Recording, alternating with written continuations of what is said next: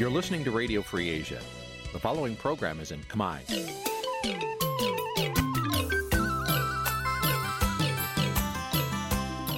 នេះជាកម្មវិធីផ្សាយ Vuthu Azizi Serai នេះជាកម្មវិធីផ្សាយរបស់ Vuthu Azizi Serai ជាភាសាខ្មែរ Vuthu Azizi Serai សូមស្វាគមន៍លោកអ្នកនាងទាំងអស់ពីរដ្ឋធានី Washington នៃសហរដ្ឋអាមេរិក សាយផ្ទាល់ពីរដ្ឋធានី Washington នាងខ្ញុំខែសុណងសូមជម្រាបសួរលោកនាងកញ្ញាប្រិយមិត្តអ្នកស្ដាប់វិទ្យុអាស៊ីសេរីទាំងអស់ជាទីមេត្រីយើងខ្ញុំសូមជូនកម្មវិធីផ្សាយសម្រាប់ព្រឹកថ្ងៃពុទ្ធ700ខែមិញឆ្នាំឆ្លូវត្រីស័កពុទ្ធសករាជ2565ដែលត្រូវនឹងថ្ងៃទី23ខែកុម្ភៈគ្រិស្តសករាជ2022ចាស់ជាដំបូងនេះសូមអញ្ជើញលោកនាងស្ដាប់ព័ត៌មានប្រចាំថ្ងៃដែលមានមេត្តាដូចតទៅ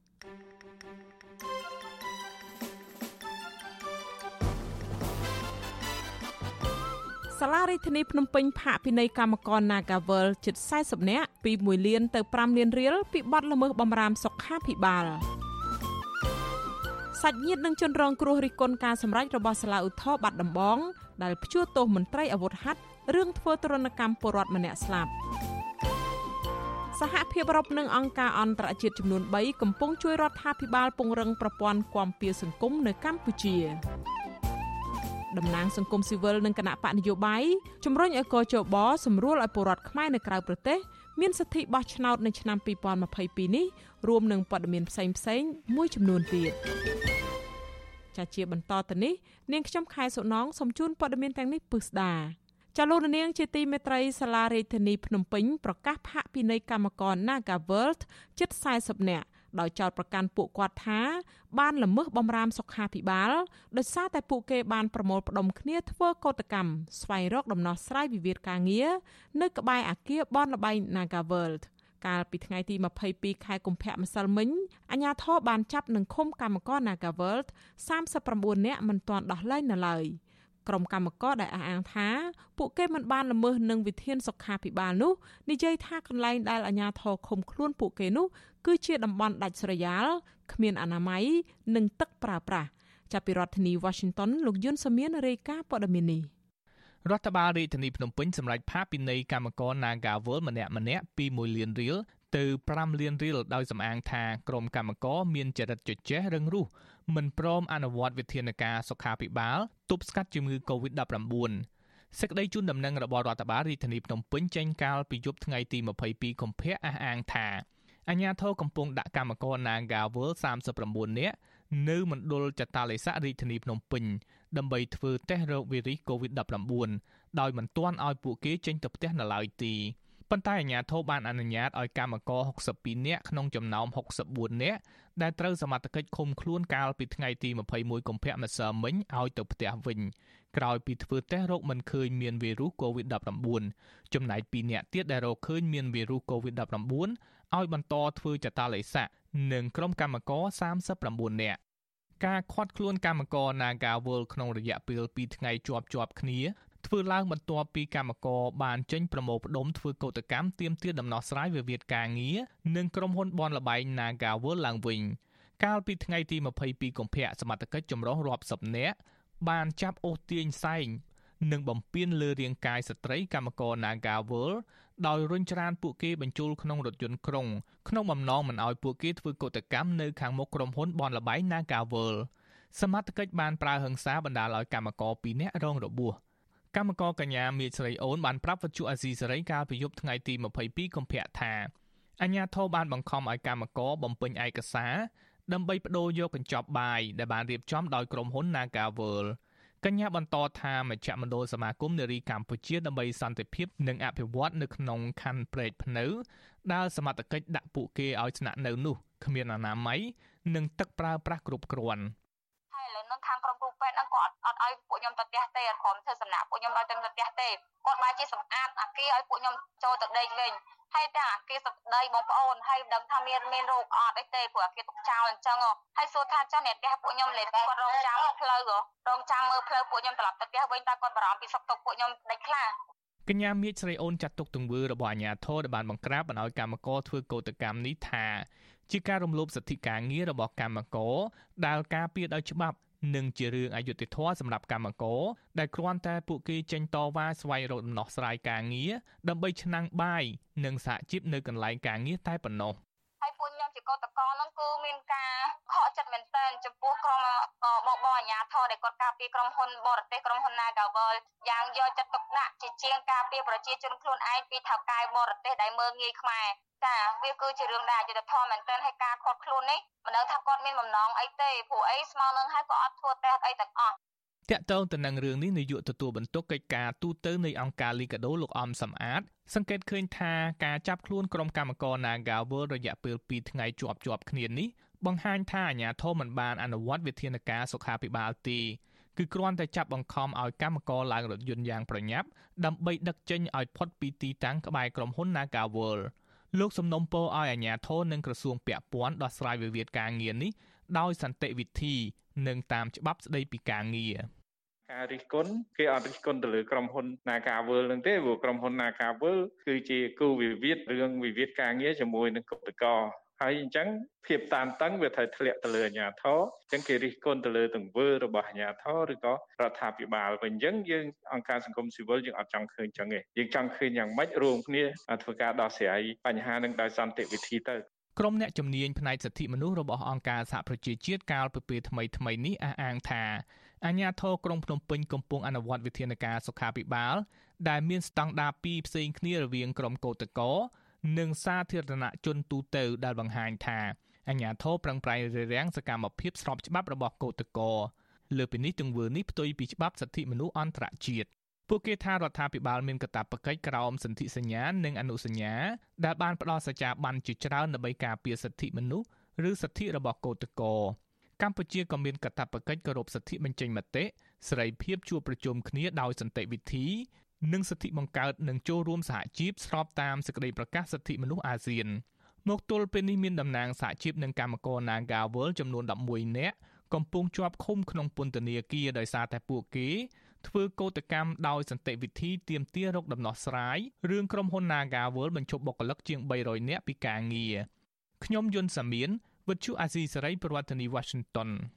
ចាលោករនាងកញ្ញាជាទីមេត្រីចាតកតងទៅនឹងការរីករាលដាលនៃជំងឺ Covid-19 ក្រសួងសុខាភិបាលប្រកាសថាមានអ្នកជំងឺ Covid-19 ចំនួន2អ្នកថ្មីទៀតបានស្លាប់ប៉ុន្តែក្រសួងមិនបានបញ្ជាក់អំពីអត្តសញ្ញាណនិងទីកន្លែងអ្នកស្លាប់នោះទេ ចំណែកករណីឆ្លងថ្មីវិញក្រសួងសុខាភិបាលបានដឹងថាមានជិត600នាក់ដែលសុទ្ធតែជាមេរោគបំផ្លែងខ្លួនថ្មីអូមីក្រុងក្នុងនោះចំនួន572នាក់ជាករណីឆ្លងក្នុងសហគមន៍និង26នាក់ទៀតជាករណីនាំចូលពីក្រៅប្រទេសករណីឆ្លងថ្មីនេះចាប់ផ្ដើមហក់ឡើងវិញរយៈពេលប្រមាណ2សប្តាហ៍ចុងក្រោយនេះ គិតត្រឹមព្រឹកថ្ងៃទី22ខែកុម្ភៈម្សិលមិញកម្ពុជាមានអ្នកកើតជំងឺ Covid-19 ប្រមាណ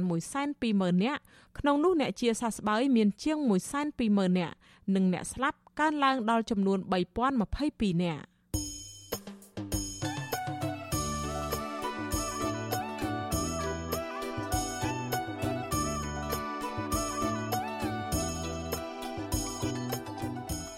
ចាលោករនាងកញ្ញាប្រិមមអ្នកស្ដាប់ការផ្សាយរបស់វិទ្យុអាស៊ីសេរីផ្សាយចេញពីរដ្ឋធានី Washington នៃសហរដ្ឋអាមេរិកចាក្រៅពីលោករនាងស្ដាប់ការផ្សាយរបស់យើងតាមបណ្ដាញសង្គម Facebook និង YouTube នោះចាលោករនាងក៏អាចស្ដាប់ការផ្សាយរបស់យើងតាមរយៈរលកធាតុអាកាសខ្លីឬ Shortwave តាមកម្រិតនិងកម្ពស់ដូចតទៅនេះចាប់ពេលព្រឹកចាប់ពីម៉ោង5កន្លះដល់ម៉ោង6កន្លះតាមរយៈរលកធាតុអាកាសខ្លី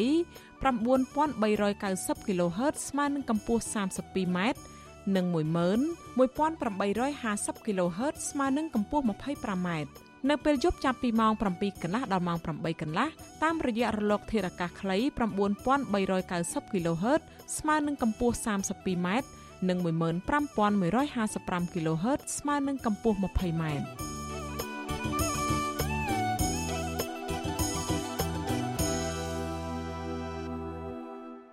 ចាលោករនាងកញ្ញាជាទីមេត្រីจะតកតងទៅនឹងសំណុំរឿងកញ្ញាសេងធីរីនិងសកម្មជនគណៈបកប្រឆាំង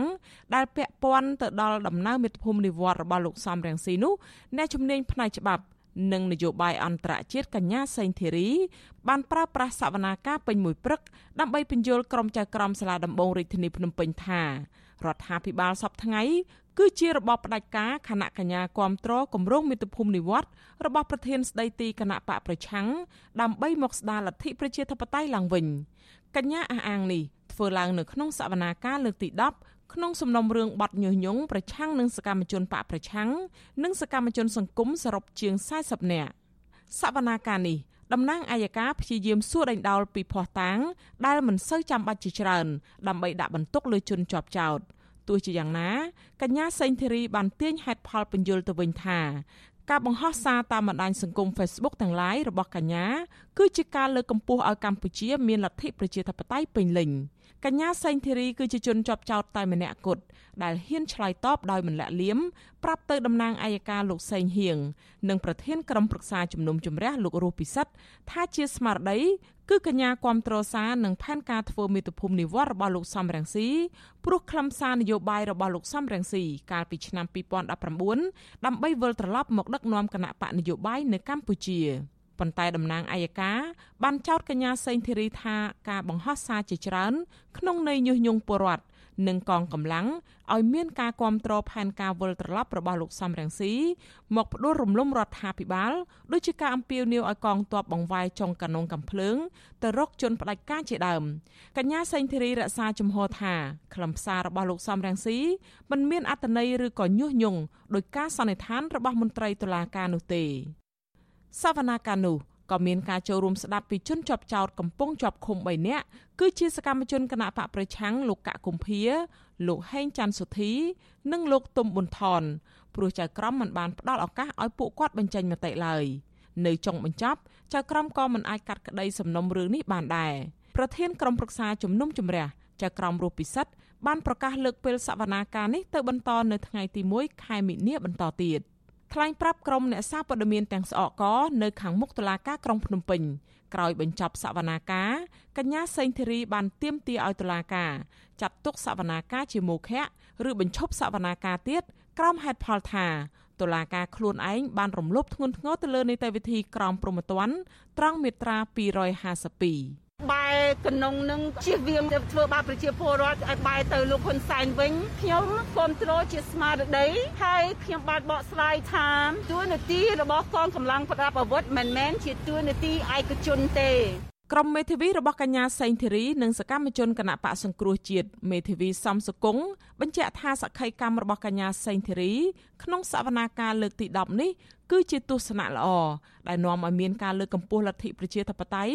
ខណៈដែលកញ្ញាមិនពេញចិត្តនឹងទង្វើរបស់រដ្ឋាភិបាលកន្លងមក ក្នុងការប្តឹងរំលាយគណៈបកប្រឆាំងដ៏ធំនៅកម្ពុជា។ មុនពេលចូលសវនាការកញ្ញាសេងធីរីក្នុងសម្លៀកបំពាក់កសិករចិន ក្រងម៉ូតសក់ជនជាតិចិនជួម៉ាន់ជូ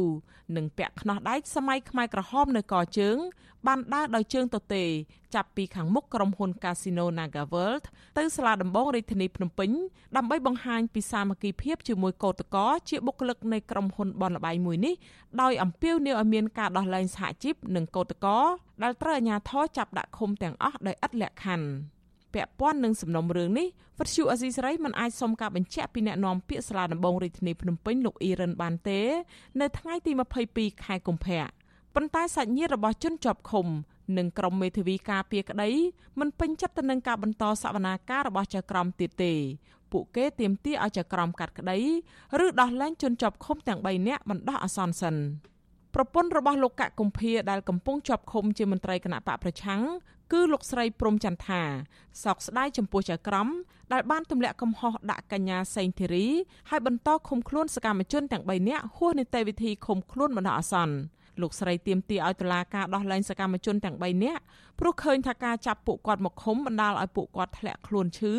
ស្លេកស្លាំងបាក់បែកក្រុមគ្រួសាររយៈពេលជិត2ឆ្នាំមកនេះ គឺជាអំពើអយុត្តិធម៌គេសាយគ្រប់គ្នាទាំងអស់ក្នុងក្នុងអង្គសាវនាការសាយទាំងអស់ហ្មងសួរថាវាមនុស្សអត់ដឹងអីដូចបៃលុកបៃឡសួរអញ្ចឹងសួរថាមានគ្រប់ត្រអត់គ្រប់ត្រលោកថ្ងៃវិលត្រឡប់មក9វិជ្ជការបងស្អីទេគាត់គុំក្របពេញតំហឹង100%គ្រប់ត្រហើយចុះបែកកណ្ដងឲ្យសម្រាប់ហ៊ុនសែនវិញហើយចុះសួរឡាឥឡូវអំណាចលើអ្នកណាខែកអំណាចលើរដ្ឋាភិបាលសម្ដេចហ៊ុនសែនតែអំណាចលើគាត់តាហើយសួរថាតាអាបត់ញុះញង់យោធានស្ដាប់បង្គាប់នោះតាមានបែកកណ្ដងទៅសម្រាប់លោកហ៊ុនសែនវិញនៅអត់ទេ សវនាការរបស់កញ្ញាសេងធីរីនិងសកម្មជនគណៈបកប្រឆាំងទាំង3នាក់មានការចូលរួមឃ្លាំមើលពីតំណាងស្ថានទូតសហរដ្ឋអាមេរិកសហភាពអឺរ៉ុបអង្គការសង្គមស៊ីវិលអ្នកសារព័ត៌មាន និងសាច់ញាតិរបស់ជនជាប់ឃុំចំណែកនៅខាងក្រៅបរិវេណតុលាការវិញមិនសូវមានអ្នកឃ្លាំមើលច្រើនទេគណៈអាជ្ញាធរបានត្រៀមកម្លាំងជាច្រើន ដាក់ប្រចាំការនិងមានកងកម្លាំងផ្សេងទៀតខ្លះជិះម៉ូតូខ្លះជិះឡានល្បាតនៅម្ដុំខាងមុខតុលាការ ចំណែកសង្គមស៊ីវិលជំរុញឲ្យតុលាការកុំលើកពីភ័ស្តុតាងដែលមិនសូវចាំបាច់ច្រើនពេកតែគួរតែពន្លឿននីតិវិធីជំនុំជម្រះដើម្បីឲ្យជនជាប់ឃុំឆាប់ទទួលបានយុត្តិធម៌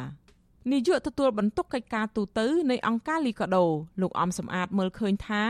ក្រៅពីការសួរដេញដោលពីភ័ស្តុតាងដែលមិនសូវចាំបាច់នោះសវនាការនេះមានចរិតនយោបាយក្នុងន័យអូសបន្លាយដោយសវនាការរបស់ប្រធានគណៈបកសង្គ្រោះជាតិលោកកឹមសុខា និងសវនាការបែបនយោបាយផ្សេងទៀតដែរ។ ចឹងបញ្ហាសាវនាការនឹងតែតែមានការអូសឡាយជាយូរមកហើយចឹងដែរអញ្ចឹងអ្វីដែលសំខាន់បើការបញ្ចប់សំណុំរឿងទាំងអស់នឹងបានខ្ញុំគិតថាបើសិនជាអ្នកនយោបាយគាត់អាចនឹងមានការចរចាតំណាងអាយកាអមសាលាដំបងរាជធានីភ្នំពេញបានចេញដីកាកាលពីឆ្នាំ2020ចោតប្រកាន់កញ្ញាសេងធីរី និងសកម្មជនគណៈបកប្រឆាំង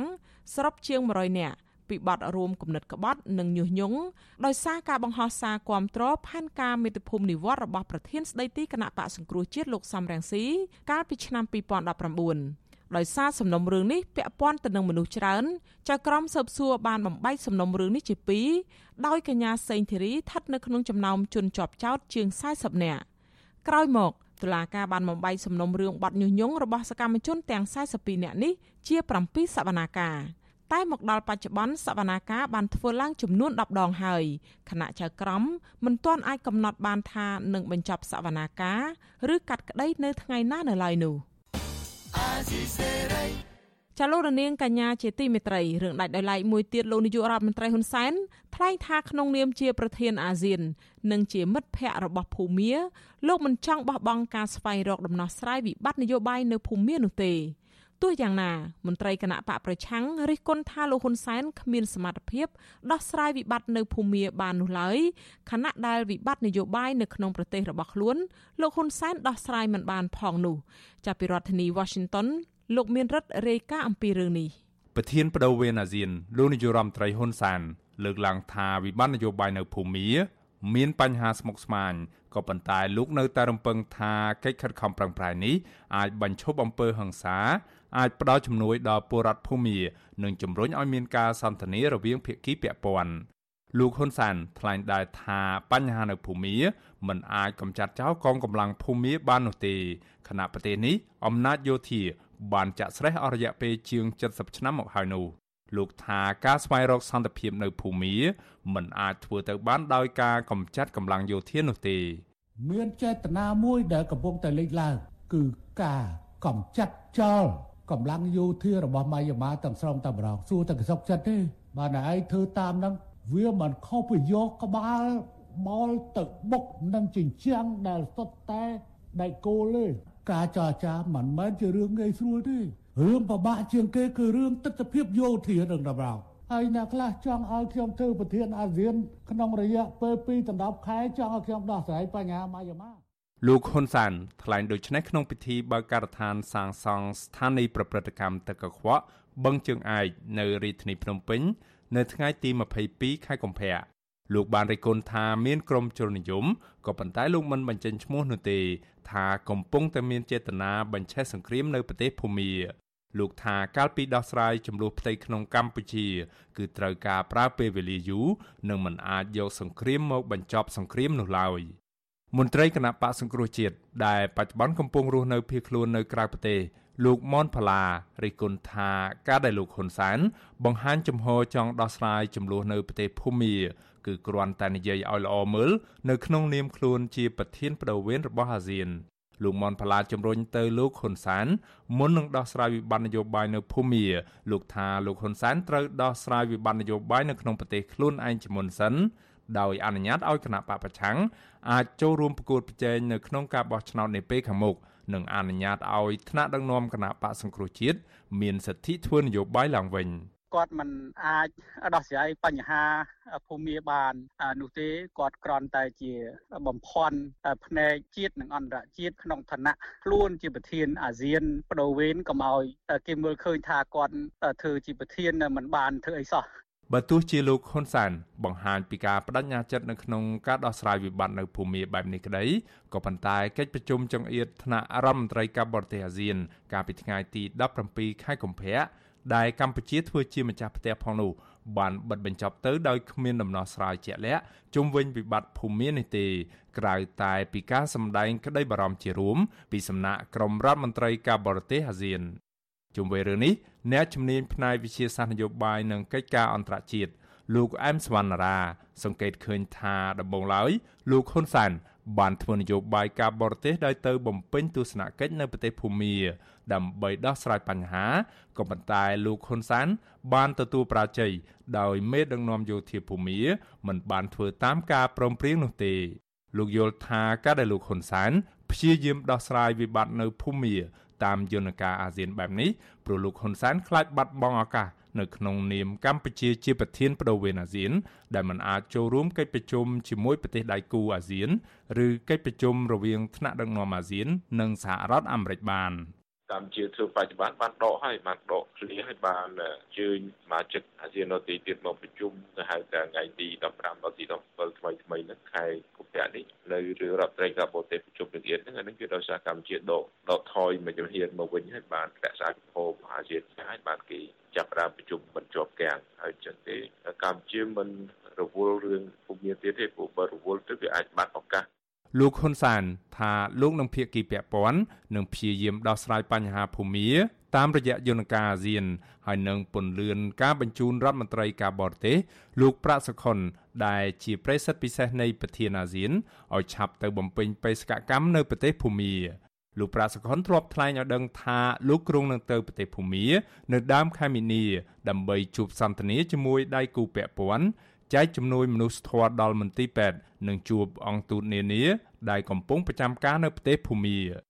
ទោះយ៉ាងណា អ្នកជំនាញកិច្ចការអន្តរជាតិលោកអែមសវណ្ណារាយល់ថាវិបត្តិនយោបាយនៅភូមាមិនអាចដោះស្រាយបាននៅក្នុងក្របខ័ណ្ឌអាស៊ាននោះទេ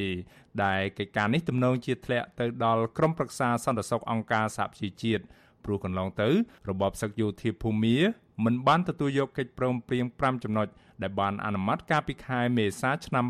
2021នោះទេខ្ញុំបាទមេរិត Visual C សេរីរាយការណ៍ពីរដ្ឋធានី Washington ចាលោករនាងកញ្ញាជាទីមេត្រីសហភាពអឺរ៉ុបនិងអង្គការអន្តរជាតិចំនួន3កំពុងជួយរដ្ឋាភិបាលពង្រឹងប្រព័ន្ធគាំពារសង្គមនៅកម្ពុជាខណៈអ្នកទាំងនោះរួមមានអង្គការអន្តរជាតិខាងការងារ ILO អង្គការ Oxfam និងមូលនិធិសហប្រជាជាតិសម្រាប់កុមារឬ UNICEF សហភាពអឺរ៉ុបនិងអង្គការទាំង3នេះកំពុងអនុវត្តគម្រោងគាំទ្រដល់រដ្ឋាភិបាល ក្នុងការកែតម្រង់ប្រព័ន្ធគាំពារសង្គមដែលមានគោលបំណង រួមចំណែកដល់ការឆ្លើយតបភ្លាមៗចំពោះជំងឺ Covid-19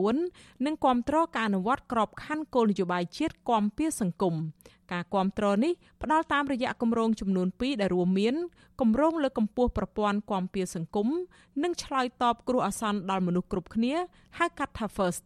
និងគម្រោងលើកកម្ពស់សេវាគាំពារសង្គមនៅកម្ពុជាគម្រោង First នេះ អង្គការ Oxfam ដែលទទួលបានជំនួយឥតសំណងពីសហភាពអឺរ៉ុបចំនួន1លាន8សែនអឺរ៉ូកំពុងធ្វើការជាមួយដៃគូចំនួន11ដែលមានអង្គការសង្គមស៊ីវិលសហជីពនិងសមាគមក្នុងស្រុកនឹងបន្តរហូតដល់ឆ្នាំ2023ចំណែកគម្រោងទី2វិញទទួលបានទឹកប្រាក់ប្រមាណ7.5លាន6សែនអឺរ៉ូដឹកនាំដោយក្រុមប្រឹក្សាជាតិគាំពារសង្គមអនុវត្តដោយអង្គការ ILO និង UNICEF រហូតដល់ឆ្នាំ2024 សហភាពអឺរ៉ុបសន្យាថានឹងបន្តផ្តល់ការគ្រប់គ្រងរបស់ខ្លួនដើម្បីជួយដល់រដ្ឋាភិបាលកម្ពុជាក្នុងការសម្រេចបាននូវវត្ថុបំណងយូរអង្វែងនៃការពង្រីកការផ្តល់ប្រព័ន្ធគាំពារសង្គមដល់មនុស្សគ្រប់គ្នា ជាពិសេសក្នុងចំណោមកម្មករនយោជិត និងពលរដ្ឋងាយរងគ្រោះដែលជាផ្នែកមួយនៃការចូលរួមចំណែកកាត់បន្ថយភាពក្រីក្រ និងវិសមភាពក្នុងសង្គម។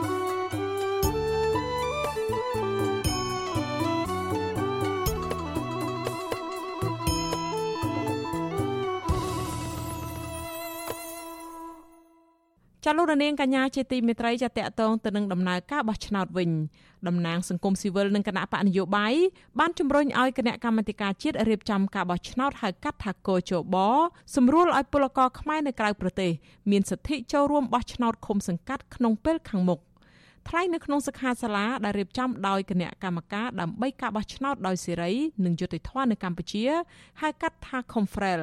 នៅសន្តាគារ Sunway កាលពីថ្ងៃទី22ខែកុម្ភៈម្សិលមិញតំណាងសង្គមស៊ីវិលនិងគណៈបកនយោបាយបានលើកឡើងពីលំហសេរីភាពនៃការធ្វើនយោបាយដែលកំពុងមានការរឹតបន្តឹងហើយពួកគេក៏បានស្នើឲ្យកោជបសម្រួលឲ្យពលករខ្មែរនៅក្រៅប្រទេសមានសិទ្ធិបោះឆ្នោតក្នុងឆ្នាំ2022នេះ។ តំណាងសង្គមស៊ីវិលនិងគណៈបកនយោបាយជាង20ស្ថាប័នស្នើឲ្យកោជបពិចារណាក្នុងការរៀបចំឲ្យពលរដ្ឋខ្មែរជាពិសេសពលករនៅក្រៅប្រទេស មានសិទ្ធិចូលរួមសម្រេចវាសនាប្រទេសជាតិរបស់ខ្លួនតាមរយៈការបោះឆ្នោតដោយសារពួកគេមានការលំបាកធ្វើដំណើរអំឡុងវិបត្តិ COVID-19 នេះឆ្លើយតបទៅនឹងសំណើនេះអគ្គនាយករងនិងជាប្រធាននាយកដ្ឋានសេវាកម្មច្បាប់ និងវិវាទកម្មនៃកោជបលោកកែរិទ្ធ បានលើកឡើងនៅក្នុងអង្គសខាសាលាថាខាងកោជបនឹងពិចារណាឡើងវិញ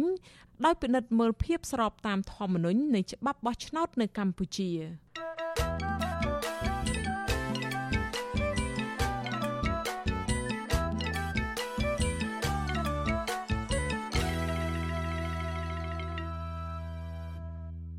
ចាលោករនាងកញ្ញាជាទីមេត្រីលោករនាងកំពុងស្ដាប់ការផ្សាយរបស់វិទ្យុអាស៊ីសេរី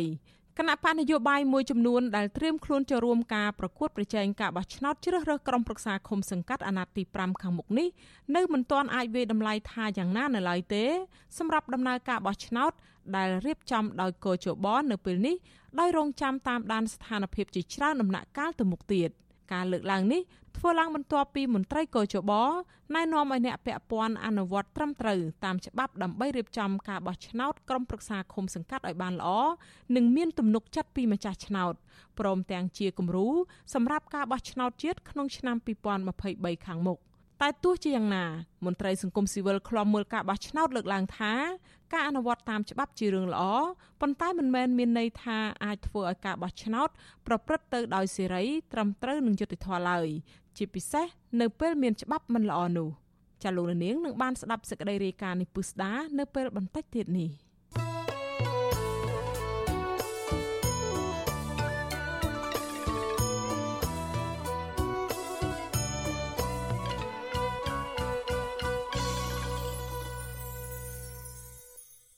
ចាលោករនាងកញ្ញាជាទីមេត្រីចាតកតងទៅនឹងសំណុំរឿងទារុណកម្មនៅឯខេត្តបន្ទាយមានជ័យឯនោះវិញ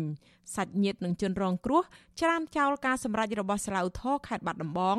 ដែលព្យួរទោសមន្ត្រីកងរាជអាវុធហត្ថដែលធ្វើទរណកម្មពលរដ្ឋម្នាក់រហូតដល់ស្លាប់នៅខេត្តបន្ទាយមានជ័យកាលពីចុងឆ្នាំ2019សាច់ញាតិចាត់ទុករឿងនេះថាជារឿងអយុត្តិធម៌សម្រាប់ជនរងគ្រោះនិងមិនអាចទទួលយកបានឡើយ។ ប្រតិកម្មនេះធ្វើឡើងបន្ទាប់ពីសាលដីការបស់សាលាឧទ្ធរបាត់ដំបងសម្រាប់ដំកល់សាលក្រមរបស់តុលាការខេត្តបន្ទាយមានជ័យទុកជាបានការ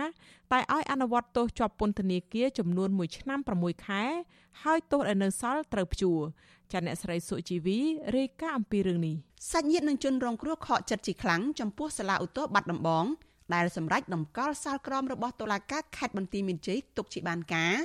ដោយដោះលែងមេ PM ម្នាក់ ដែលធ្វើទារុណកម្មលើពលរដ្ឋម្នាក់បណ្ដាលឲ្យស្លាប់នោះឲ្យនៅក្រៅឃុំបណ្ដោះអាសន្នទាំងដែលសំណុំរឿងក្តីនេះបន្តស្ថិតនៅក្នុងភាពស្ងប់ស្ងាត់ជនរងគ្រោះនឹងជាសាក្សីនៅក្នុងហេតុការណ៍លោកអានរួនប្រាប់វិទ្យុអាស៊ីសេរីនៅថ្ងៃទី22ខែកុម្ភៈថាទង្វើរបស់មន្ត្រី PM ខេត្តបន្ទាយមានជ័យដែលបានធ្វើទរណកម្មលើលោកទុយស្រស់បណ្ដាលឲ្យស្លាប់និងវាយដំពួកលោកដោយបន្សល់ទុកនៅស្នាមរបួសឈឺចាប់ក្រំគ្រា រហូតមកដល់ពេលបច្ចុប្បន្ននេះគឺជារឿងដែលមិនអាចបំភ្លេចបានឡើយលោកបដិសេធចំពោះការសម្ដែងរបស់សាលាឧទ្ធរបាត់ដំបងដែលបានព្យួរទោសមេ PM រូបនោះឲ្យនៅក្រៅឃុំបណ្ដោះអាសន្នហើយលោកចាត់ទុកករណីនេះថាអយុត្តិធម៌និងមិនអាចទទួលយកបានឡើយលោកសង្ស័យថាសំណុំរឿងនេះអាចជាប់ពាក់ព័ន្ធការខុបខិតគ្នាប្រព្រឹត្តអំពើពុករលួយ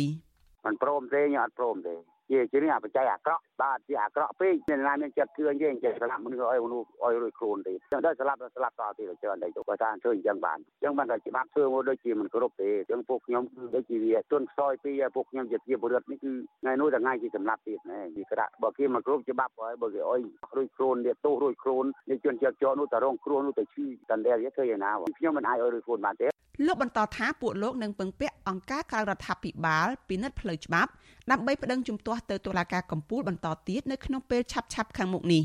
ប្រតិកម្មនេះធ្វើឡើងបន្ទាប់ពីសាលាឧទ្ធរបាត់ដំបងកាលពីថ្ងៃទី26ខែឧសភាឆ្នាំ2021បានប្រកាសជាសាធារណៈដោយតម្កល់សាលក្រមរបស់តុលាការខេត្តបន្ទាយមានជ័យទុកជាបានការតែឲ្យអនុវត្តទោសជាប់ពន្ធនាគារ1ឆ្នាំ6ខែហើយទោសដែលនៅសល់ត្រូវព្យួរខណៈដែលសាលដីកានេះចូលជាស្ថាពរកាលពីថ្ងៃទី27ខែមិថុនាឆ្នាំ2021 ប៉ុន្តែបើយោងតាមការសម្រេចនោះគិតមកដល់ពេលនេះអតីតមេបញ្ជាការរង PM ខេត្តបន្ទាយមានជ័យលោកសប៊ុនសឿងបានចេញពីពន្ធនាគារជិត8ខែមកហើយ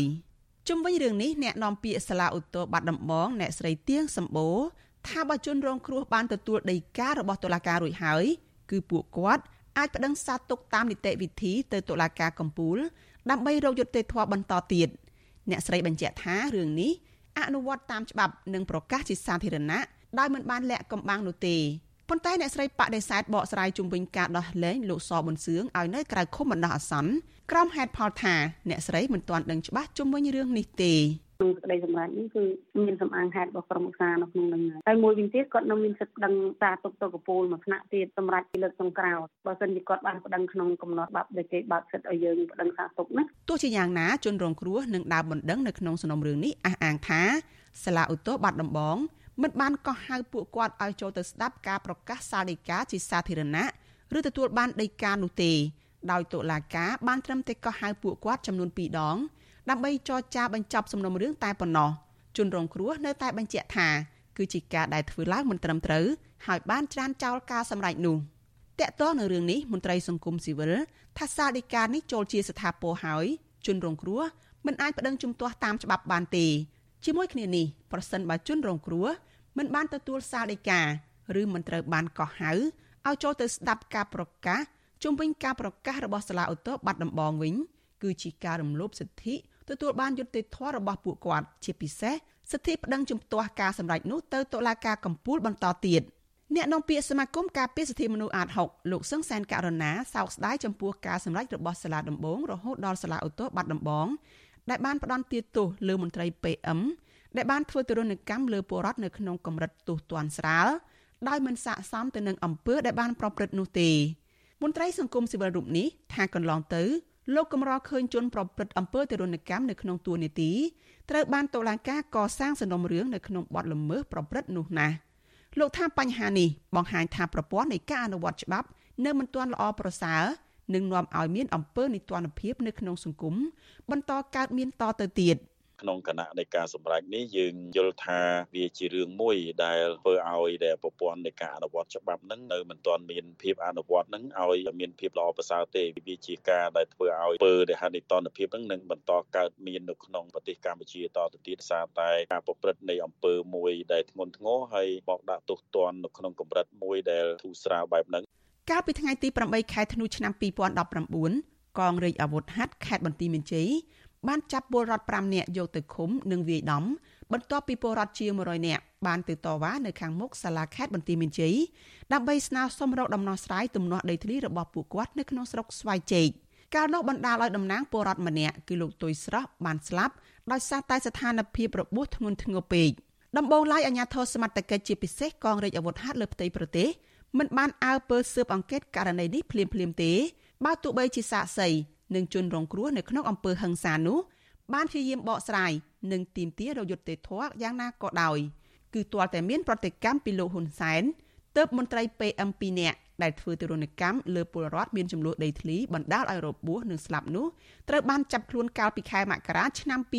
2020បន្ទាប់មកសាលាដំបងខេត្តបន្ទាយមានជ័យកាលពីដើមឆ្នាំ2021បានសម្រេចផ្តន្ទាទោសមេបញ្ជាការរងកងរាជអាវុធហត្ថខេត្តបន្ទាយមានជ័យលោកសប៊ុនសឿង ឲ្យជាប់ពន្ធនាគារ4ឆ្នាំនិងជំនួយការការិយាល័យប្រឆាំងគ្រឿងញៀននៃកងរាជអាវុធហត្ថខេត្តនេះលោកឆយរតនាឲ្យជាប់ពន្ធនាគារ7ឆ្នាំព្រមទាំងផ្ដាល់សំណងទៅដើមបណ្ដឹងដែលរួមមានលោកអានរួន លោកហឹមគិរី លោកនៅនឿននិងលោកស្រីប៊ុនគីមឡាក់ប្រពន្ធសពរបស់លោកទុយស្រស់ពី20ទៅ40លានរៀលទោះជាយ៉ាងណាជនរងគ្រោះអះអាងថាករណីអំពើទរណកម្មទៅលើពួកគាត់នាពេលកន្លងទៅនេះតុលាការមិនគួរបន្ធូរបន្ថយទោស ឬដោះលែងជនល្មើសឲ្យនៅក្រៅឃុំនោះទេដើម្បីផ្ដល់ទំនុកចិត្តចំពោះការអនុវត្តច្បាប់និងផ្ដល់យុត្តិធម៌ទៅដល់ជនរងគ្រោះជាពិសេសកុំឲ្យមន្ត្រីមានអំណាចចេះតែវាយធ្វើបាបពលរដ្ឋតាមទំនឹងចិត្តតទៅទៀតនាងខ្ញុំសុជីវីវិទ្យុអាស៊ីសេរីពីរដ្ឋធានី Washington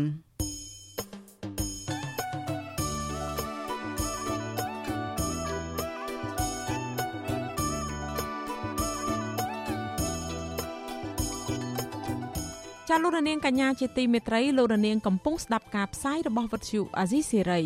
ចាលោករនាងជាទីមេត្រីដំណើរគ្នាដែលលោករនាងកំពុងស្ដាប់ការផ្សាយផ្ទាល់របស់វិទ្យុអាស៊ីសេរីតាមបណ្ដាញសង្គម Facebook និង YouTube នេះ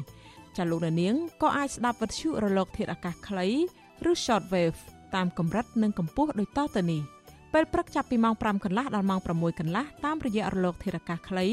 9390 kHz ស្មើនឹងកម្ពស់ 32m និង11850 kHz ស្មើនឹងកម្ពស់ 25m នៅពេលយប់ពីម៉ោង7កន្លះដល់ម៉ោង8កន្លះតាមរយៈរលកធាតុអាកាសខ្លី9390 kHz ស្មើនឹងកម្ពស់ 32m និង15155 kHz ស្មើនឹងកម្ពស់ 20m ចាលោកនាងកញ្ញាជាទីមេត្រីចាតតងទៅនឹងសេចក្តីរាយការណ៍ពីខេត្តមណ្ឌលគិរីឯណោះវិញជនជាដើមភៀតតិចភ្នងនៃខេត្តនេះជិត100នាក់ ប្តឹងអាជ្ញាធរភូមិឃុំទៅតុលាការខេត្តមណ្ឌលគិរីពីបទបណ្តាច់បណ្ដោយឲ្យឈ្មួញរំលោភយកដីភ្នូកប់សពដូនតារបស់ពួកគាត់ទំហំ11ហិកតាធ្វើជាកម្មសិទ្ធិឯកជនដោយខុសច្បាប់ក្រមពលរដ្ឋទាំងនោះខកចិត្តនឹងអាជ្ញាធរមូលដ្ឋាននៃខេត្តនេះថាមិនអើពើដោះស្រាយក្តីកង្វល់រួមរបស់ពលរដ្ឋស្របតាមច្បាប់ចាលោកមួងណារ៉េតរាយការណ៍ព័ត៌មាននេះជនជាតិដើមភាគតិចភ្នង6នាក់ តំណាងឲ្យពលរដ្ឋ72នាក់រស់នៅភូមិពូត្រែងខុំដាក់ដាំស្រុកអូរាំងឪអំពាវនាវឲ្យតំណាងអាយកាខេត្តមណ្ឌលគិរីពន្លឿនការស៊ើបអង្កេតលើបណ្ដឹងបរិហាររបស់ពួកគាត់ដែលទាមទារដីភ្នូកប់សព11ហិកតាត្រឡប់មកវិញពលរដ្ឋទាំងនោះស្នើឲ្យព្រះរាជអាជ្ញាត្រូវអនុវត្តច្បាប់លើមីភូមិអូស្ពានអ្នកស្រីចិនស្រីលៀបនិងចៅសង្កាត់ស្ពានមានជ័យលោកគុជមេងធូករណីបណ្ដាច់បណ្ដោយឲ្យឈ្មួញម្នាក់ដែលអ្នកភូមិមិនស្គាល់អត្តសញ្ញាណ រំលោភយកដីភ្នូកប់សពទាំងស្រុងកាលពីចុងឆ្នាំ2021តំណាងប្រជាពលរដ្ឋលោកស្រីក្រេសសូរ៉ាប្រាប់វិទ្យុអាស៊ីសេរីកាលពីថ្ងៃទី22ខែកុម្ភៈថាដីភ្នូកប់សពទាំងនោះត្រូវបានឈ្មួញខុបខិតជាមួយនឹងអាជ្ញាធរភូមិនិងឃុំ រំលោភយកអស់ទាំងស្រុងគឺជាកន្លែងទីសក្ការៈបូជារបស់ពួកគាត់ជាង40ឆ្នាំមកហើយលោកស្រីបន្តទៀតថាតំបន់នោះមានភ្នូបុរាណជាច្រើនអមដោយខ្ទមអ្នកតានិងព្រៃជំនឿដែលអ្នកភូមិតែងតែធ្វើពិធីសែនព្រេនជារៀងរាល់ឆ្នាំដើម្បីសុំសេចក្តីសុខចម្រើនទើបពួកគាត់ទាមទារឲ្យអភិរក្សជាសម្បត្តិរួមរបស់ជាតិនោះលោកស្រីបញ្ជាក់ថាបច្ចុប្បន្នឈ្មួញបានធ្វើរបងលួហុំព័ទ្ធដីភ្នូទាំងនោះ និងសង់ផ្ទះមួយខ្នងលើដីដែលមានចំនួននោះស្របពេលដែលប្រជាពលរដ្ឋកំពុងតែស្វះស្វែងរកកិច្ចអន្តរាគមន៍ទៅអាជ្ញាធរឲ្យជួយដោះស្រាយរឿងនេះប្រឹងមេភូមិមេខំដោយសារពួកខ្ញុំពឹងផ្អែកគាត់នឹងរដីធ្លីម្ចាស់គេនេះយកដីពួកខ្ញុំដីព្រៃខ្មោចនឹងរម្ចាស់អត់ឃើញដល់ហ្នឹងពួកខ្ញុំពឹងភូមិខំនឹងគាត់អត់ដោះស្រាយអោយអញ្ចឹងណា កាលពីថ្ងៃទី17ខែធ្នូឆ្នាំ2021កន្លងទៅជនជាតិដើមភាគតិចភ្នងជិត100គ្រួសារបានផ្តិតមេដាយស្នើសុំកិច្ចអន្តរាគមន៍ពីអាជ្ញាធរភូមិឃុំ និងអភិបាលក្រុងសែនមនោរម្យដើម្បីទាមទារដីភ្នូកប់សពទំហំ11ហិកតាទាំងនោះជាសម្បត្តិរដ្ឋវិញក៏ប៉ុន្តែគ្មានបានផលឡាយរហូតមកដល់ពេលនេះ។ វត្តឈូអាស៊ីសេរីមិនទាន់អាចតតងសុំការបំភ្លឺរឿងនេះពីអ្នកនាំពាក្យអាយកាអមតឡាការខេត្តមណ្ឌលគិរីលោកមុំវណ្ដានិងចៅសង្កាត់ស្ពានមានជ័យលោកគុជមេងធូបាននៅឡើយទេកាលពីថ្ងៃទី22ខែកុម្ភៈក៏ប៉ុន្តែមេភូមិអូស្ពានអ្នកស្រីចិនស្រីលៀបទទួលស្គាល់ថាកន្លងទៅប្រជាពលរដ្ឋជាច្រើនគ្រួសារបានស្នើឲ្យអាជ្ញាធរមូលដ្ឋានដោះស្រាយករណីនេះ។ ក៏ប៉ុន្តែអាជ្ញាធររវល់មិនទាន់ចុះពិនិត្យទីតាំងដីដែលមានចំនួននៅឡើយទេអ្នកស្រីបន្ទុកប្រជាពលរដ្ឋមួយចំនួនថាចេះតែដើរចង្អុលដីទំនេរថាជាដីភ្នូកប់សពដោយសារតែទីផ្សារដីឡើងថ្លៃខ្ពស់បើទោះបីជាយ៉ាងនេះក្តីលោកស្រីថាអាជ្ញាធរគ្រងនឹងបង្កើតគណៈកម្មការដើម្បីចោះដោះស្រាយចំនួនដីធ្លីនៅពេលឆាប់ៗខាងមុខនេះ ខ្លាយលក់ថាដីហ្នឹងបងប្អូនជនជាតិភាគតិចមួយចំនួនទៀតនោះឧទាហរណ៍ណាគាត់លក់ឲ្យអ្នកផ្សេងអញ្ចឹងអ្នកផ្សេងធម្មតាតាំងគេទាំងយើងគេអ្នកមានលុយទិញគេមិនក្រាស់ទៅស្នាមមិនចឹងហីហើយដល់ពេលឲ្យបងប្អូនជនជាតិហ្នឹងគាត់មកចង់ឲ្យអាជ្ញាធរហ្នឹងដើម្បីចេញក្រាស់ចេញស្នាមដើម្បីឲ្យគាត់កាន់កាប់ក៏គេមិនបដិសេធថាគេមិនធ្វើឲ្យគាត់ដែរប៉ុន្តែតើគេចុះទៅមើលទីតាំងឲ្យច្បាស់លាស់សិនគេលក់ថាគាត់ចេះតែនិយាយទៅគាត់ថាបានព្រោះបងប្អូនជនជាតិភាគតិចហ្នឹងឥឡូវគាត់កំណត់ក្រណាគាត់ឃើញលើដីបានថ្លៃគាត់ចេះតែដើរវៀតយកគ្រប់កន្លែងចឹងណា ជាមួយរឿងនេះទីប្រឹក្សាបណ្ដាញសហគមន៍ជនជាតិដើមភាគតិចភ្នងលោកគ្រឿងដុល្លារអះអាងថាដីនៅតំបន់នោះពិតជាដីភ្នូកប់សព11ហិកតាដែលអ្នកភូមិគោរពបូជានឹងធ្វើពិធីសែនព្រេនជារៀងរាល់ឆ្នាំទើបតែឈ្មួញរំលោភយកកាលពីចុងឆ្នាំ2021នោះលោកថាអ្នកភូមិសម្រាប់ចិត្តប្តឹងបរិហាទៅតុលាការគឺដោយសារតែពួកគាត់អស់ក្តីសង្ឃឹមលើអាជ្ញាធរមូលដ្ឋានខេត្តនេះដែលមិនខ្វល់ខ្វាយដោះស្រាយពីបណ្ដឹងរបស់ពួកគាត់ គេថាធ្វើបុណ្យជូនឧទ្ទិសកុសលដល់ពលឹងខ្មោចអ្នកតាជំនាន់មុនណាវាមានកម្មវិធីមួយឆ្នាំម្ដងហើយនឹង3ឆ្នាំម្ដងខ្ញុំក៏ធ្វើរហូតប៉ុន្តែនៅពេលដែលឃើញគេដាក់លបងក៏ទៅរីកាប្រាប់អញ្ចឹងណាគេរីកាប្រាប់អាជ្ញាធរមូលដ្ឋានហ្នឹងប៉ុន្តែគេមិនអើពើទេរីឯមន្ត្រីអង្គការសមាគមការពារសិទ្ធិមនុស្សអាតហុក លោកទឿសង្ហាលោកជំរុញឲ្យតំណាងអាយកាស៊ើបអង្កេតចំនួនដីធ្លីនេះឲ្យបានច្បាស់លាស់ដោយត្រូវអនុវត្តច្បាប់លើអ្នកពាក់ព័ន្ធជាធរមានដើម្បីផ្ដល់យុត្តិធម៌ជូនប្រជាពលរដ្ឋនិងសង្គមជាតិលោកបញ្ជាក់ថាដីភ្នូកប់សពជាទម្រង់ដីសាធារណៈរបស់រដ្ឋដែលជនជាតិដើមភាគតិចគោរពបូជាបែបប្រពៃណីដូច្នេះបើមានការខុបខិតគ្នាលក់បែបនេះគឺជាទង្វើល្មើសច្បាប់ វាខុសពីគោលការណ៍ច្បាប់បងប្អូនច្បាប់ដីភ្នូកប់សពគឺជាដីសាធារណៈបរដ្ឋអញ្ចឹងថាអាជ្ញាធរត្រូវតែមានការការពារដីសាធារណៈបរដ្ឋកុំឲ្យមានការរំលោភបំពានការចូលទៅកាប់សន្ទ្រានអីជាដើមបាទប៉ុន្តែឥឡូវនេះគឺធ្វើលបងពាត់ជំវិញអស់ហើយបាទប៉ុន្តែអត់ដឹងថាអ្នកណានៅពីក្រោយអញ្ចឹងណាបង មន្ត្រីអង្គការសង្គមស៊ីវិលរូបនេះទាមទារឲ្យអាជ្ញាធរខេត្តមណ្ឌលគិរីគួរតែមានវិធានការច្បាស់លាស់ការពារភ្នូកប់សពនិងព្រៃជំនឿជាដើម ដែលជាដីសាធារណៈរបស់រដ្ឋសម្រាប់ប្រយោជន៍រួមរបស់ជនជាតិដើមភាគតិចលោកថាអាជ្ញាធរមូលដ្ឋានខេត្តនេះនៅតែខ្វះចន្លោះនៅក្នុងការការពារទ្រព្យសម្បត្តិរបស់រដ្ឋនិងមិនអើពើដោះស្រាយក្តីកង្វល់រួមរបស់ប្រជាពលរដ្ឋទើបប្រជាពលរដ្ឋបង្ខំចិត្តពឹងពាក់តុលាការវិញម្ដងខ្ញុំបាទមុងណារ៉េត with Shu Azisari ពីរដ្ឋធានី Washington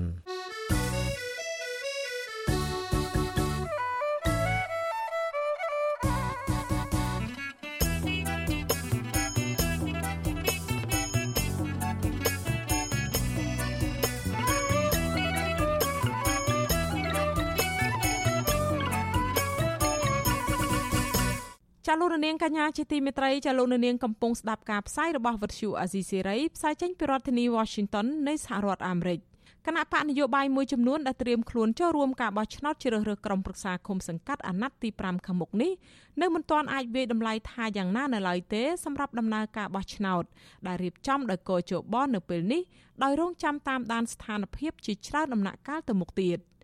ការលើកឡើងនេះគឺធ្វើឡើងបន្ទាប់ពីមន្ត្រីកោជបណែនាំឲ្យអ្នកពាក់ព័ន្ធអនុវត្តត្រឹមត្រូវតាមច្បាប់ដើម្បីរៀបចំការបោះឆ្នោតក្រុមប្រឹក្សាឃុំសង្កាត់ឲ្យបានល្អនិងមានទំនុកចិត្តពីម្ចាស់ឆ្នោតព្រមទាំងជាគំរូសម្រាប់ការបោះឆ្នោតជាតិក្នុងឆ្នាំ2023ខាងមុខ តែទោះជាយ៉ាងណាមន្ត្រីសង្គមស៊ីវិលឃ្លាំមើលការបោះឆ្នោតលើកឡើងថាការអនុវត្តតាមច្បាប់ជារឿងល្អ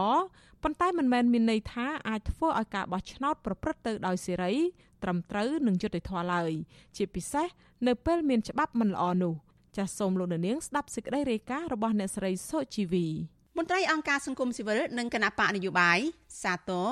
ដែលកោជបណែនាំមន្ត្រីនៅតាមមូលដ្ឋាន ឲ្យអនុវត្តឲ្យបានត្រឹមត្រូវតាមច្បាប់ដើម្បីធានាការបោះឆ្នោតដែលមានទំនុកចិត្ត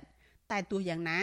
ពួកគេមើលឃើញថានៅក្នុងដំណើរការរៀបចំការបោះឆ្នោតការអនុវត្តច្បាប់តែម្យ៉ាងគឺនៅមិនទាន់អាចធ្វើឲ្យការបោះឆ្នោតនោះអាចចាត់ទុកថាសេរីត្រឹមត្រូវយុត្តិធម៌និងអាចទទួលបានទំនុកចិត្តពីម្ចាស់ឆ្នោតបានដែរអ្នកសម្របសម្រួលផ្នែកអង្កេតនឹងតស៊ូមតិនៃអង្គការ Confrel លោកកនសវាងសង្កេតឃើញថាកន្លងទៅ មានទឹកតាំងដែលបញ្ជាក់ថារាល់ការអនុវត្តច្បាប់មិនមែនសុទ្ធតែជាការអនុវត្តល្អនិងត្រឹមត្រូវនោះទេព្រោះច្បាប់ខ្លះនៅមានចំណុចខ្វះខាតនៅឡើយលោកកនសវាងរំលឹកពីការអនុវត្តច្បាប់បោះឆ្នោតនៅក្នុងឆ្នាំ2017ដែលអាចចាត់ទុកថាជាការអនុវត្តមិនត្រឹមត្រូវមួយគឺដោយមានការរំលាយគណៈបកសង្គ្រោះជាតិដែលជាគណៈបកប្រឆាំងទទួលបានសម្លេងឆ្នោតពីប្រជាពលរដ្ឋច្រើនសន្ធឹកសន្ធាប់ជាដើម។ ការរំលាយគណៈបកយោបាយដោយសារតែបុគ្គលរូបវត្តបុគ្គលមួយដែលប្រព្រឹត្តនៅកំហុសទៅរំលាយបកទៅរំលាយឆន្ទៈប្រជាបរតដែលមិនមែនកាត់ឡើងដោយសារការការបែងចែកផតលាការមិនមែនជាប់ដោយសារតែការចាត់តាំងនឹងត្រូវបានយកអាសនៈដែលប្រជាបរតបោះដោយផ្ទាល់ដោយសម្ងាត់នោះតាមគោលការណ៍ប្រជាធិបតេយ្យទៅចែកឲ្យ គណៈបកផ្សេងហ្នឹងអាហ្នឹងនឹងសួរថាតើការអនុវត្តច្បាប់បែបហ្នឹងល្អដែរឬមួយក៏អត់ការលើកឡើងនេះបន្ទាប់ពីអនុប្រធានគណៈកម្មាធិការជាតិរៀបចំការបោះឆ្នោតកោជបលោកនុតសុខុមជំរុញឲ្យភាគីពាក់ព័ន្ធរៀបចំការបោះឆ្នោតពិសេសគណៈកម្មការរៀបចំការបោះឆ្នោតរាជធានីខេត្តទាំងអស់រៀបចំការបោះឆ្នោតជ្រើសរើសក្រុមប្រឹក្សាឃុំសង្កាត់ឆ្នាំ2022នេះឲ្យបានល្អតាមនីតិវិធីនិងក្របខ័ណ្ឌច្បាប់ដើម្បីជាមុខមាត់កោជបនិងជាគំរូ សម្រាប់ការបោះឆ្នោតជាតិនៅក្នុងឆ្នាំ2023ខាងមុខនឹងឯការបោះឆ្នោតយើងឃុំសង្កាត់នេះខំប្រឹងធ្វើយ៉ាងម៉េចឲ្យរលូនជោគជ័យមែនតែនទៅយើងទាំងអស់គ្នាខិតខំប្រឹងប្រែងធ្វើអត់ជំរឿសទេយើងខិតខំធ្វើទៅតាមច្បាប់ទាំងអ្វីដែលមានចែងនៅក្នុងរដ្ឋធម្មនុញ្ញទាំងអ្វីដែលមានចែងនៅក្នុងច្បាប់បោះឆ្នោតទាំងអស់ហើយអ្វីដែលធំគឺបទបញ្ជានីតិវិធីសម្រាប់ការ បោះឆ្នោតក៏ដូចជាការចុះឈ្មោះទាំងអស់នេះជាពិសេសការបោះឆ្នោតឃុំសង្កាត់នេះពួកយើងទៅឈានទៅបោះឆ្នោតតំណាងរាស្ត្រអាណត្តិក្រោយឆ្នាំក្រោយដូច្នេះហើយតោងខិតខំឲ្យឃុំសង្កាត់នេះកុំឲ្យមានបាតុភិបផ្ដល់ជំនឿដើម្បីឈានទៅបោះឆ្នោត2023នេះអនុប្រធានកោជបបញ្ជាក់បែបនេះនៅចំពោះមុខមន្ត្រីបុគ្គលិកនៃលេខាធិការដ្ឋានរៀបចំការបោះឆ្នោតខេត្តកំពង់ឆ្នាំងកាលពីថ្ងៃទី19ខែកុម្ភៈ សម្រាប់លោកកនសវាងកោជបគួរតែពិនិត្យកែសម្រួលក្របខ័ណ្ឌច្បាប់ពាក់ព័ន្ធនិងចាំបាច់មួយចំនួនដែលបានធ្វើឲ្យការបោះឆ្នោតមិនបានធានានៅឆន្ទៈពិតប្រាកដរបស់ពលរដ្ឋពិសេសច្បាប់គណៈបកនយោបាយរួមទាំងពិនិត្យមើលទៅលើច្បាប់តាក់ទងមន្ត្រីរាជការកងកម្លាំងផ្ដាល់អាវុធថែមទៀតណាបាទ បញ្ហាប្រឈមដែលកន្លងមកទាំងគណៈបកនយោបាយក៏ដូចអង្គការសង្គមស៊ីវិលបានស្នើសុំនឹងពិនិត្យមើលចំណុចអស់ហ្នឹងហើយធ្វើការវិសោធនកម្មឬក៏មានការកែប្រែហ្នឹងអាហ្នឹងបានគិតថាតើដំណើរការទាំងអស់ហ្នឹងវាចូលនៅក្នុងស្តង់ដារគោលការណ៍នៃការបោះឆ្នោតដោយសេរីយុត្តិធម៌ហើយឬនៅកាលពីខែកក្កដាឆ្នាំ2021ក្រុមអង្គការសង្គមស៊ីវិលចំនួន64ស្ថាប័នរួមគ្នាទាមទាររដ្ឋាភិបាលលោកហ៊ុនសែនធានាឲ្យបាននៅលក្ខខណ្ឌអបបរមាចំនួន6ចំណុច ដើម្បីឲ្យការបោះឆ្នោតប្រព្រឹត្តទៅដោយសេរីនិងយុត្តិធម៌ក្នុងនោះរួមមាន ការបង្កើតបរិយាកាសនយោបាយសេរី ការធានាសិទ្ធិនយោបាយនិងសិទ្ធិអ្នកបោះឆ្នោតជាមួយគ្នានោះក៏ស្នើធ្វើវិសោធនកម្មច្បាប់គណៈបកនយោបាយនិងច្បាប់បោះឆ្នោតបញ្ឈប់ការដកហូតអាសនៈអ្នកតំណាងជាប់ឆ្នោតដោយសារតែការរំលាយគណៈបកនយោបាយធានាឲ្យគណៈកម្មាធិការជាតិរៀបចំការបោះឆ្នោតកោជបអាចជឿទុកចិត្តបាន ដោយរក្សាសមាជិកភាពមកពីភាគីពាក់ព័ន្ធ ដោយដែលមានចែងនៅក្នុងរដ្ឋធម្មនុញ្ញគឺ4រូបមកពីបកកណ្ដាលអំណាច4រូបទៀតមកពីគណៈបកដែលគ្មានអាសនៈនៅក្នុងសភា និងមួយរូបមកពីខាងសង្គមស៊ីវិលជាដើមបន្ថែមពីនេះត្រូវធានាឯករាជ្យភាព និងអព្យាក្រឹតកងកម្លាំងប្រដាប់អាវុធនិងតុលាការតកតងនឹងដំណើរការនៅមុនថ្ងៃបោះឆ្នោតក្រុមប្រឹក្សាឃុំសង្កាត់វិញគណៈបកនយោបាយមួយចំនួនថាបរិយាកាសនយោបាយការគម្រាមកំហែងសិទ្ធិនយោបាយ និងការផ្លាស់ប្តូរបែបបទធ្វើការមួយចំនួនរបស់កោជបកំពុងតែចោទជាបញ្ហាសម្រាប់ពួកគេផងដែរប្រធានគណៈបកឆន្ទៈខ្មែរលោកគង់មុនីកាប្រាប់វិទ្យុអាស៊ីសេរីថាសមាជិកកោជបទាំងថ្នាក់ជាតិនិងថ្នាក់មូលដ្ឋានមិនអាចកាត់ផ្តាច់ពីឥទ្ធិពលរបស់គណៈបកកាន់អំណាចឯការបំផិតបំភ័យនៅតាមមូលដ្ឋាន នៅតែមិនអាចបញ្ចប់បានលោកថានៅក្នុងដំណាក់កាលដាក់បញ្ជីឈ្មោះបេក្ខភាពឈរឈ្មោះបោះឆ្នោតនៅពេលនេះគណៈបករបស់លោក គ្រោកដាក់ឲ្យបាន100ឃុំប៉ុន្តែដោយសារតែបែបបទថ្មីរបស់គោជបគណៈបកពិបាកនឹងរកបេក្ខជនមកឈរឈ្មោះបេក្ខជននឹងតែងតែមានការព្រួយបារម្ភនៅពេលដែលយកទៅឲ្យមេឃុំឬក៏ចៅសង្កាត់របស់ខ្លួនបញ្ជាក់បេក្ខភាពរបស់ខ្លួនបាទនេះវាជារូបភាពមួយដែលអាចថាជាការបំផិតបំភ័យឬក៏ប៉ះពាល់ដល់សតិអារម្មណ៍របស់បេក្ខជននៃគណៈបញ្ញោបាយនីមួយៗដែរបាទដូច្នេះហើយខ្ញុំ មិនទាន់អាចវាតម្លៃបានប៉ុន្តែខ្ញុំក៏មិនរំពឹងថាការបោះឆ្នោតនេះនឹងក្លាយទៅជាការបោះឆ្នោតគំរូដែរបាទចំណែកប្រធានគណៈកម្មការនយោបាយនៃគណៈបកប្រជាធិបតេយ្យមូលដ្ឋាន លោកយ៉ងសង្គមាលោកមើលឃើញថាការអនុវត្តច្បាប់របស់កោជបនៅមិនទាន់អាចធានាការបោះឆ្នោតដែលគ្មានការភ័យខ្លាចគ្មានការគៀបសង្កត់បាននៅឡើយលោកថាគណៈបករបស់លោកបានឆ្លងកាត់ការលំបាកជាច្រើនមកហើយតាំងពីការលើកស្លាក ការចោះជួបម្ចាស់ឆ្នោតនិងនៅពេលនេះគឺការដាក់បេក្ខភាពឈរឈ្មោះនៅតាមឃុំសង្កាត់លោកថាការឃោសនាបោះឆ្នោត ការសង្កេតការបោះឆ្នោត និងរក្សាភាពសម្ងាត់នៃសម្លេងឆ្នោត នៅ ជាចំណុចដែលត្រូវតាមដានបន្តទៀតលើកទឹកចិត្តជំរុញឲ្យជាបរដ្ឋជាសេតាមជាអង្គការគុំស៊ីវិលចូលរួមបានច្រើនក្នុងការសង្កេតការបោះឆ្នោតហ្នឹងជាថ្មីម្ដងទៀតគឺភាពសម្ងាត់នៃ ការបោះឆ្នោតហ្នឹងជាបរដ្ឋយើងដឹងហើយថាបោះឆ្នោតហ្នឹងអត់មានពីណាមើលមើលដឹងថាគូឲ្យពីណាពីណាទេប៉ុន្តែយើងចង់ធ្វើម៉េចកុំឲ្យមានរបៀប20បន្លាចអញ្ចឹងណារួមនឹងការប្រើទូរស័ព្ទយ៉ាងល្អកុំឲ្យប្រើទូរស័ព្ទដៃចូលក្នុងកន្លែងបោះឆ្នោតទៅពួកយើងកើអាចមានអ្នកខ្លះគេវិជាឲ្យថតរូបយ៉ាងឲ្យគេតកតងនឹងនីតិវិធីបោះឆ្នោតកន្លងទៅក្រុមគណៈបកនយោបាយបាននាំគ្នាស្នើឲ្យកោជបរក្សាទុកកំណត់ហេតុរាប់សន្លឹកឆ្នោតទម្រង់1102 ទាំងការបិទផ្សាយនិងផ្ញើទៅគណៈបកនយោបាយនៅលទ្ធផលឆ្នោតបឋមដែលផ្ទុយពីការផ្លាស់ប្តូរថ្មីរបស់កោជបដែលថានឹងស្កេនលទ្ធផលបោះឆ្នោតហើយបោះពុំតាមកុំព្យូទ័រមុនពេលចែកជូនគណៈបកនយោបាយការទៀមទានេះនៅមិនទាន់ដាច់ស្រេចថាយ៉ាងណានៅឡើយទេ តែទោះជាយ៉ាងណា ការលើកឡើងរបស់លោករុតសុខុមអនុប្រធានកោជបនេះគឺធ្វើឡើងភ្លាមភ្លាមបន្ទាប់ពីលោកនាយរដ្ឋមន្ត្រីហ៊ុនសែនអះអាងថា ការបោះឆ្នោតនាពេលកន្លងមកនេះមានភាពស្ងប់ស្ងាត់ច្រើនមិនមានអំពើហិង្សាកើតឡើងធ្ងន់ធ្ងរនោះទេដោយសារតែគណៈបកនីមួយៗមានភាពចាស់ទុំនិងណែនាំឲ្យអាជ្ញាធរមូលដ្ឋានបង្កលក្ខណៈសម្បត្តិសម្រាប់បណ្ដាគណៈបកនយោបាយនានាធ្វើសកម្មភាពនៅមុនការបោះឆ្នោតក្រុមប្រឹក្សាឃុំសង្កាត់ជាមួយគ្នានេះអ្នកនាំពាក្យគណៈបកប្រជាជនកម្ពុជាលោកសុកអេសានធ្លាប់អះអាងថាស្ថាប័នរៀបចំការបោះឆ្នោតបច្ចុប្បន្ននេះ អាចធានាការបោះឆ្នោតបានដោយសេរី ដែលប្រជាពលរដ្ឋអាចទទួលយកបានបើទោះជាយ៉ាងណាក្រោយការរំលាយគណៈបកសង្គ្រោះជាតិកាលពីចុងឆ្នាំ2017និងព្រឹត្តិការណ៍បោះឆ្នោតបង្កើតរដ្ឋាភិបាលនិងរដ្ឋសភាឯកបកកាលពីឆ្នាំ2018មកសហគមន៍អន្តរជាតិបានដាក់ទណ្ឌកម្មជាបន្តបន្ទាប់លើរដ្ឋាភិបាលលោកហ៊ុនសែនដោយសារតែការរំលោភសិទ្ធិមនុស្សធ្ងន់ធ្ងរជាប្រព័ន្ធនិងការគាស់រំលើងគ្រឹះប្រជាធិបតេយ្យតាមរយៈរំលាយ និងហាមន្ត្រីគណៈបកប្រឆាំងមិនឲ្យធ្វើនយោបាយរយៈពេល5ឆ្នាំអ្នកតាមដានស្ថានភាពនយោបាយនិងសង្គមមើលឃើញថារដ្ឋាភិបាលឯកបកពិបាកនឹងជៀសផុតពីទណ្ឌកម្មបន្ថែមទៀតប្រសិនបើបន្តឲ្យសិទ្ធិមនុស្សនិងប្រជាធិបតេយ្យស្ថិតនៅក្នុងភាពដុនដាបតទៅទៀតនៅមុនការបោះឆ្នោតក្រុមប្រឹក្សាឃុំសង្កាត់និងការបោះឆ្នោតជាតិខាងមុខនេះនាងខ្ញុំសុជីវីវិទ្យុអាស៊ីសេរីពីរដ្ឋធានី Washington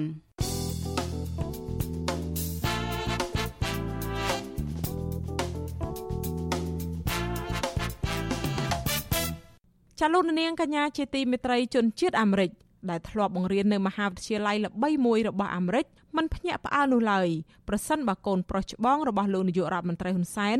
គឺលោកហ៊ុនម៉ាណែត បានចូលរៀននៅសាលាបណ្ឌិតយោធាអាមេរិកតាមរយៈខ្សែឬបានចូលរៀនដោយសារតែមន្ត្រីអាមេរិកចេញមុខធានា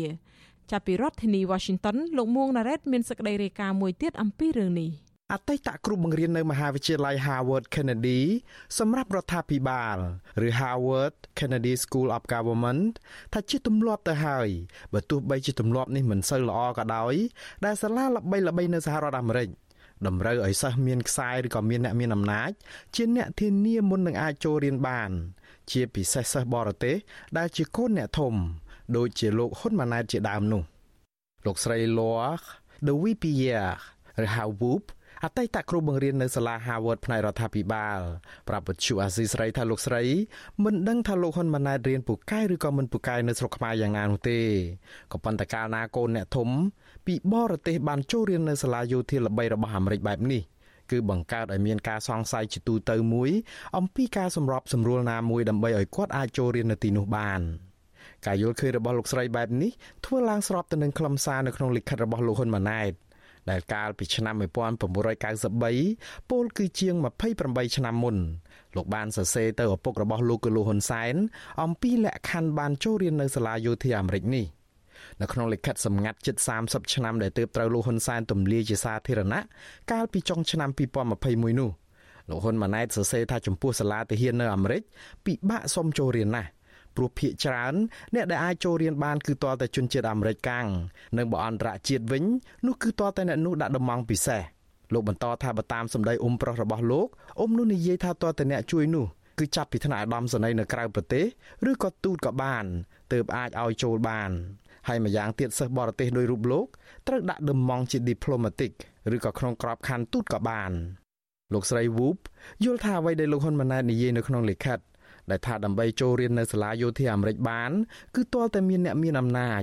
មានឥទ្ធិពលដែលជាជនជាតិអាមេរិកសរសេរលិខិតធានានោះគឺឆ្លុះបញ្ចាំងអំពីទម្លាប់ពិតនៅអាមេរិក senators and congressmen they know that they need to write these letters អ្នកដែលមានឥទ្ធិពលទាំងនោះអាចមានទាំងសមាជិកសភា ឬសមាជិកព្រឹទ្ធសភាថែមទៀតផង ព្រោះអ្នកទាំងនោះដឹងខ្លួនថាពួកគាត់ត្រូវចេញលិខិតធានាសម្រាប់សិស្សដែលពួកគាត់មិនស្គាល់ឬធ្លាប់បានជួបម្ដងឬស្គាល់តាមរយៈឪពុកជាដើមខ្ញុំយល់ថាប្រព័ន្ធបែបនេះមិនល្អទេព្រោះវាធ្វើឲ្យមនុស្សដែលមានអំណាចនិងឥទ្ធិពលឬដែលមានខ្សែឬមានអ្នកធានា បានចូលរៀននៅសាលាល្បីយ៉ាងងាយស្រួលដូច្នេះអ្វីដែលគាត់និយាយនៅក្នុងលិខិតនោះគឺជាការពិតទាំងស្រុងដែលគាត់ត្រូវតែមានខ្សែឬអ្នកធានាដែលមានឥទ្ធិពល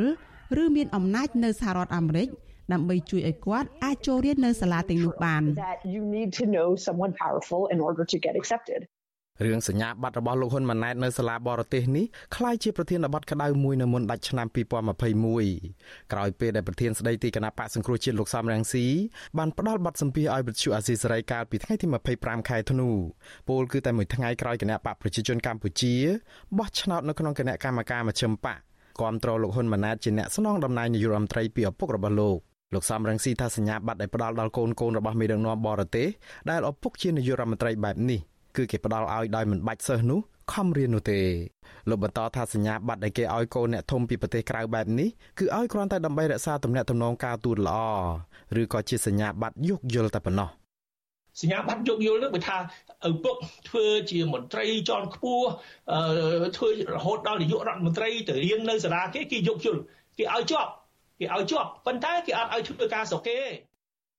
សាររបស់លោកសំរងស៊ីនេះរងប្រតិកម្មតបវិញពីលោកហ៊ុនម៉ាណែតរហូតលោកបបួលលោកសំរងស៊ីភ្នាល់គ្នាដាក់ជីវិតនយោបាយថែមទៀតផងក៏ប៉ុន្តែលោកហ៊ុនម៉ាណែតមិនបានលាតត្រដាងការពិតថាតើលោកពិតជាបានចូលរៀននៅសាលាបណ្ឌិតយោធាអាមេរិកនោះ ដោយសារតែមានខ្សែឬមានអ្នកមានអំណាចធានាឲ្យចូលដោយអ្វីដែលលោកបានសរសេរនៅក្នុងលិខិតរបស់លោក កាលពីឆ្នាំ1993នោះទេវិទ្យុអាស៊ីសេរីព្យាយាមសុំការបំភ្លឺជំរឿងនេះពីលោកហ៊ុនម៉ាណែតដែរក៏ប៉ុន្តែលោកមិនឆ្លើយតបវិទ្យុអាស៊ីសេរីក៏មិនបានទទួលការឆ្លើយតបពីសាលាបណ្ឌិតយោធាអាមេរិកជុំវិញរឿងនេះនៅឡើយដែរក៏ប៉ុន្តែប្រព័ន្ធឃោសនារបស់លោកហ៊ុនសែនបានចុះផ្សាយកាលពីដើមខែមករា នៅសម្ដីរបស់អ្នកជំនាញផ្នែកកិច្ចការសាធារណៈរបស់សាលាបណ្ឌិតយោធាអាមេរិកនេះគឺលោក Francis De Maro Jr. ថារាល់សញ្ញាបត្រនៅសាលាបណ្ឌិតយោធាអាមេរិកដែលសិស្សរាល់គ្នាទទួលបាន គឺជាបរិញ្ញាបត្រផ្នែកវិទ្យាសាស្ត្រមន្ត្រីរូបនេះបន្ថែមទៀតថាគ្មានទេភាពខុសគ្នាឬលក្ខខណ្ឌខុសគ្នារវាងសិស្សអាមេរិកនិងសិស្សបរទេសនោះបើទោះបីជាយ៉ាងនេះក្តីលោកស្រី Woop យល់ថាកំថាឡើយនៅសាលាបណ្ឌិតយោធាអាមេរិក សូម្បីតែនៅសាលា Harvard ដែលជាសាលាល្បីបំផុតមួយនៅសហរដ្ឋអាមេរិកក៏មានករណីលើកលែងជាច្រើនដែរចំពោះលក្ខខណ្ឌនៃការទទួលឲ្យចូលរៀននៅសាលានេះជាពិសេសចំពោះកូនអ្នកធំពីបរទេសលោកស្រីបន្ថែមថាជាឧទាហរណ៍មនុស្សសំខាន់សំខាន់ដែលចូលសាលា Harvard ពួកគេមានភាពងាយស្រួលចូលជាងពលរដ្ឋទូទៅរីឯការសិក្សាវិញក្រោយពេលសិស្សបានចូលរៀនហើយសូម្បីតែនៅសាលា Harvard ក៏សិស្សមិនចាំបាច់ប្រឹងរៀនខ្លាំងទើបទទួលបានសញ្ញាបត្រនោះដែរ So I don't know how it is at West Point. At Harvard ខ្ញុំមិនដឹងថានៅសាលាបណ្ឌិតសភាយោធានោះយ៉ាងម៉េចទេប៉ុន្តែបើនៅ Harvard សិស្សរៀនត្រឹមនិទ្ទេស D ក៏បានទទួលសញ្ញាបត្រដែរជារួមបើអ្នកបានចូលរៀននៅ Harvard គឺដឹងតែបានសញ្ញាបត្រហើយព្រោះសិស្សអាចយកមុខវិជ្ជាងាយងាយដើម្បីគ្រាន់តែមកជាប់ លោកហ៊ុនម៉ាណែតបានចូលរៀននៅសាលាបណ្ឌិតយោធាអាមេរិកកាលពីឆ្នាំ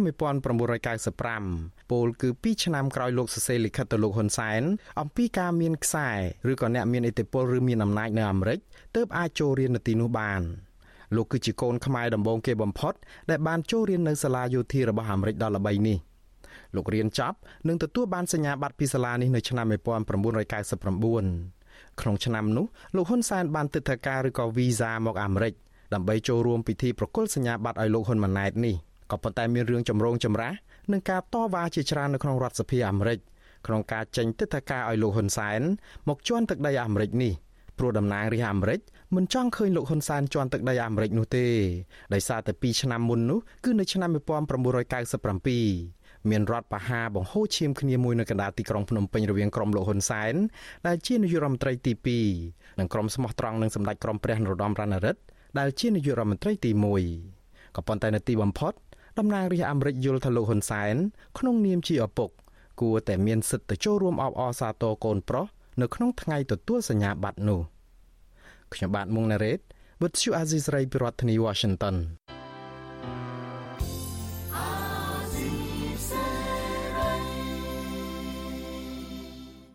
ចចាលោកនាងកញ្ញាជាទីមេត្រីការផ្សាយរយៈពេល1ម៉ោងមកនេះបានឈានមកដល់ទីបញ្ចប់ហើយចានាងខ្ញុំសូមជូនពរដល់លោកនាងកញ្ញាទាំងអស់ឲ្យជួបប្រកបតែនឹងសេចក្តីសុខចម្រើនរុងរឿងកុំបីឃ្លៀងឃ្លាតឡើយចាសម្រាប់ពេលនេះនាងខ្ញុំខែសុណងព្រមទាំងក្រុមការងារទាំងអស់នៃវិទ្យុអាស៊ីសេរី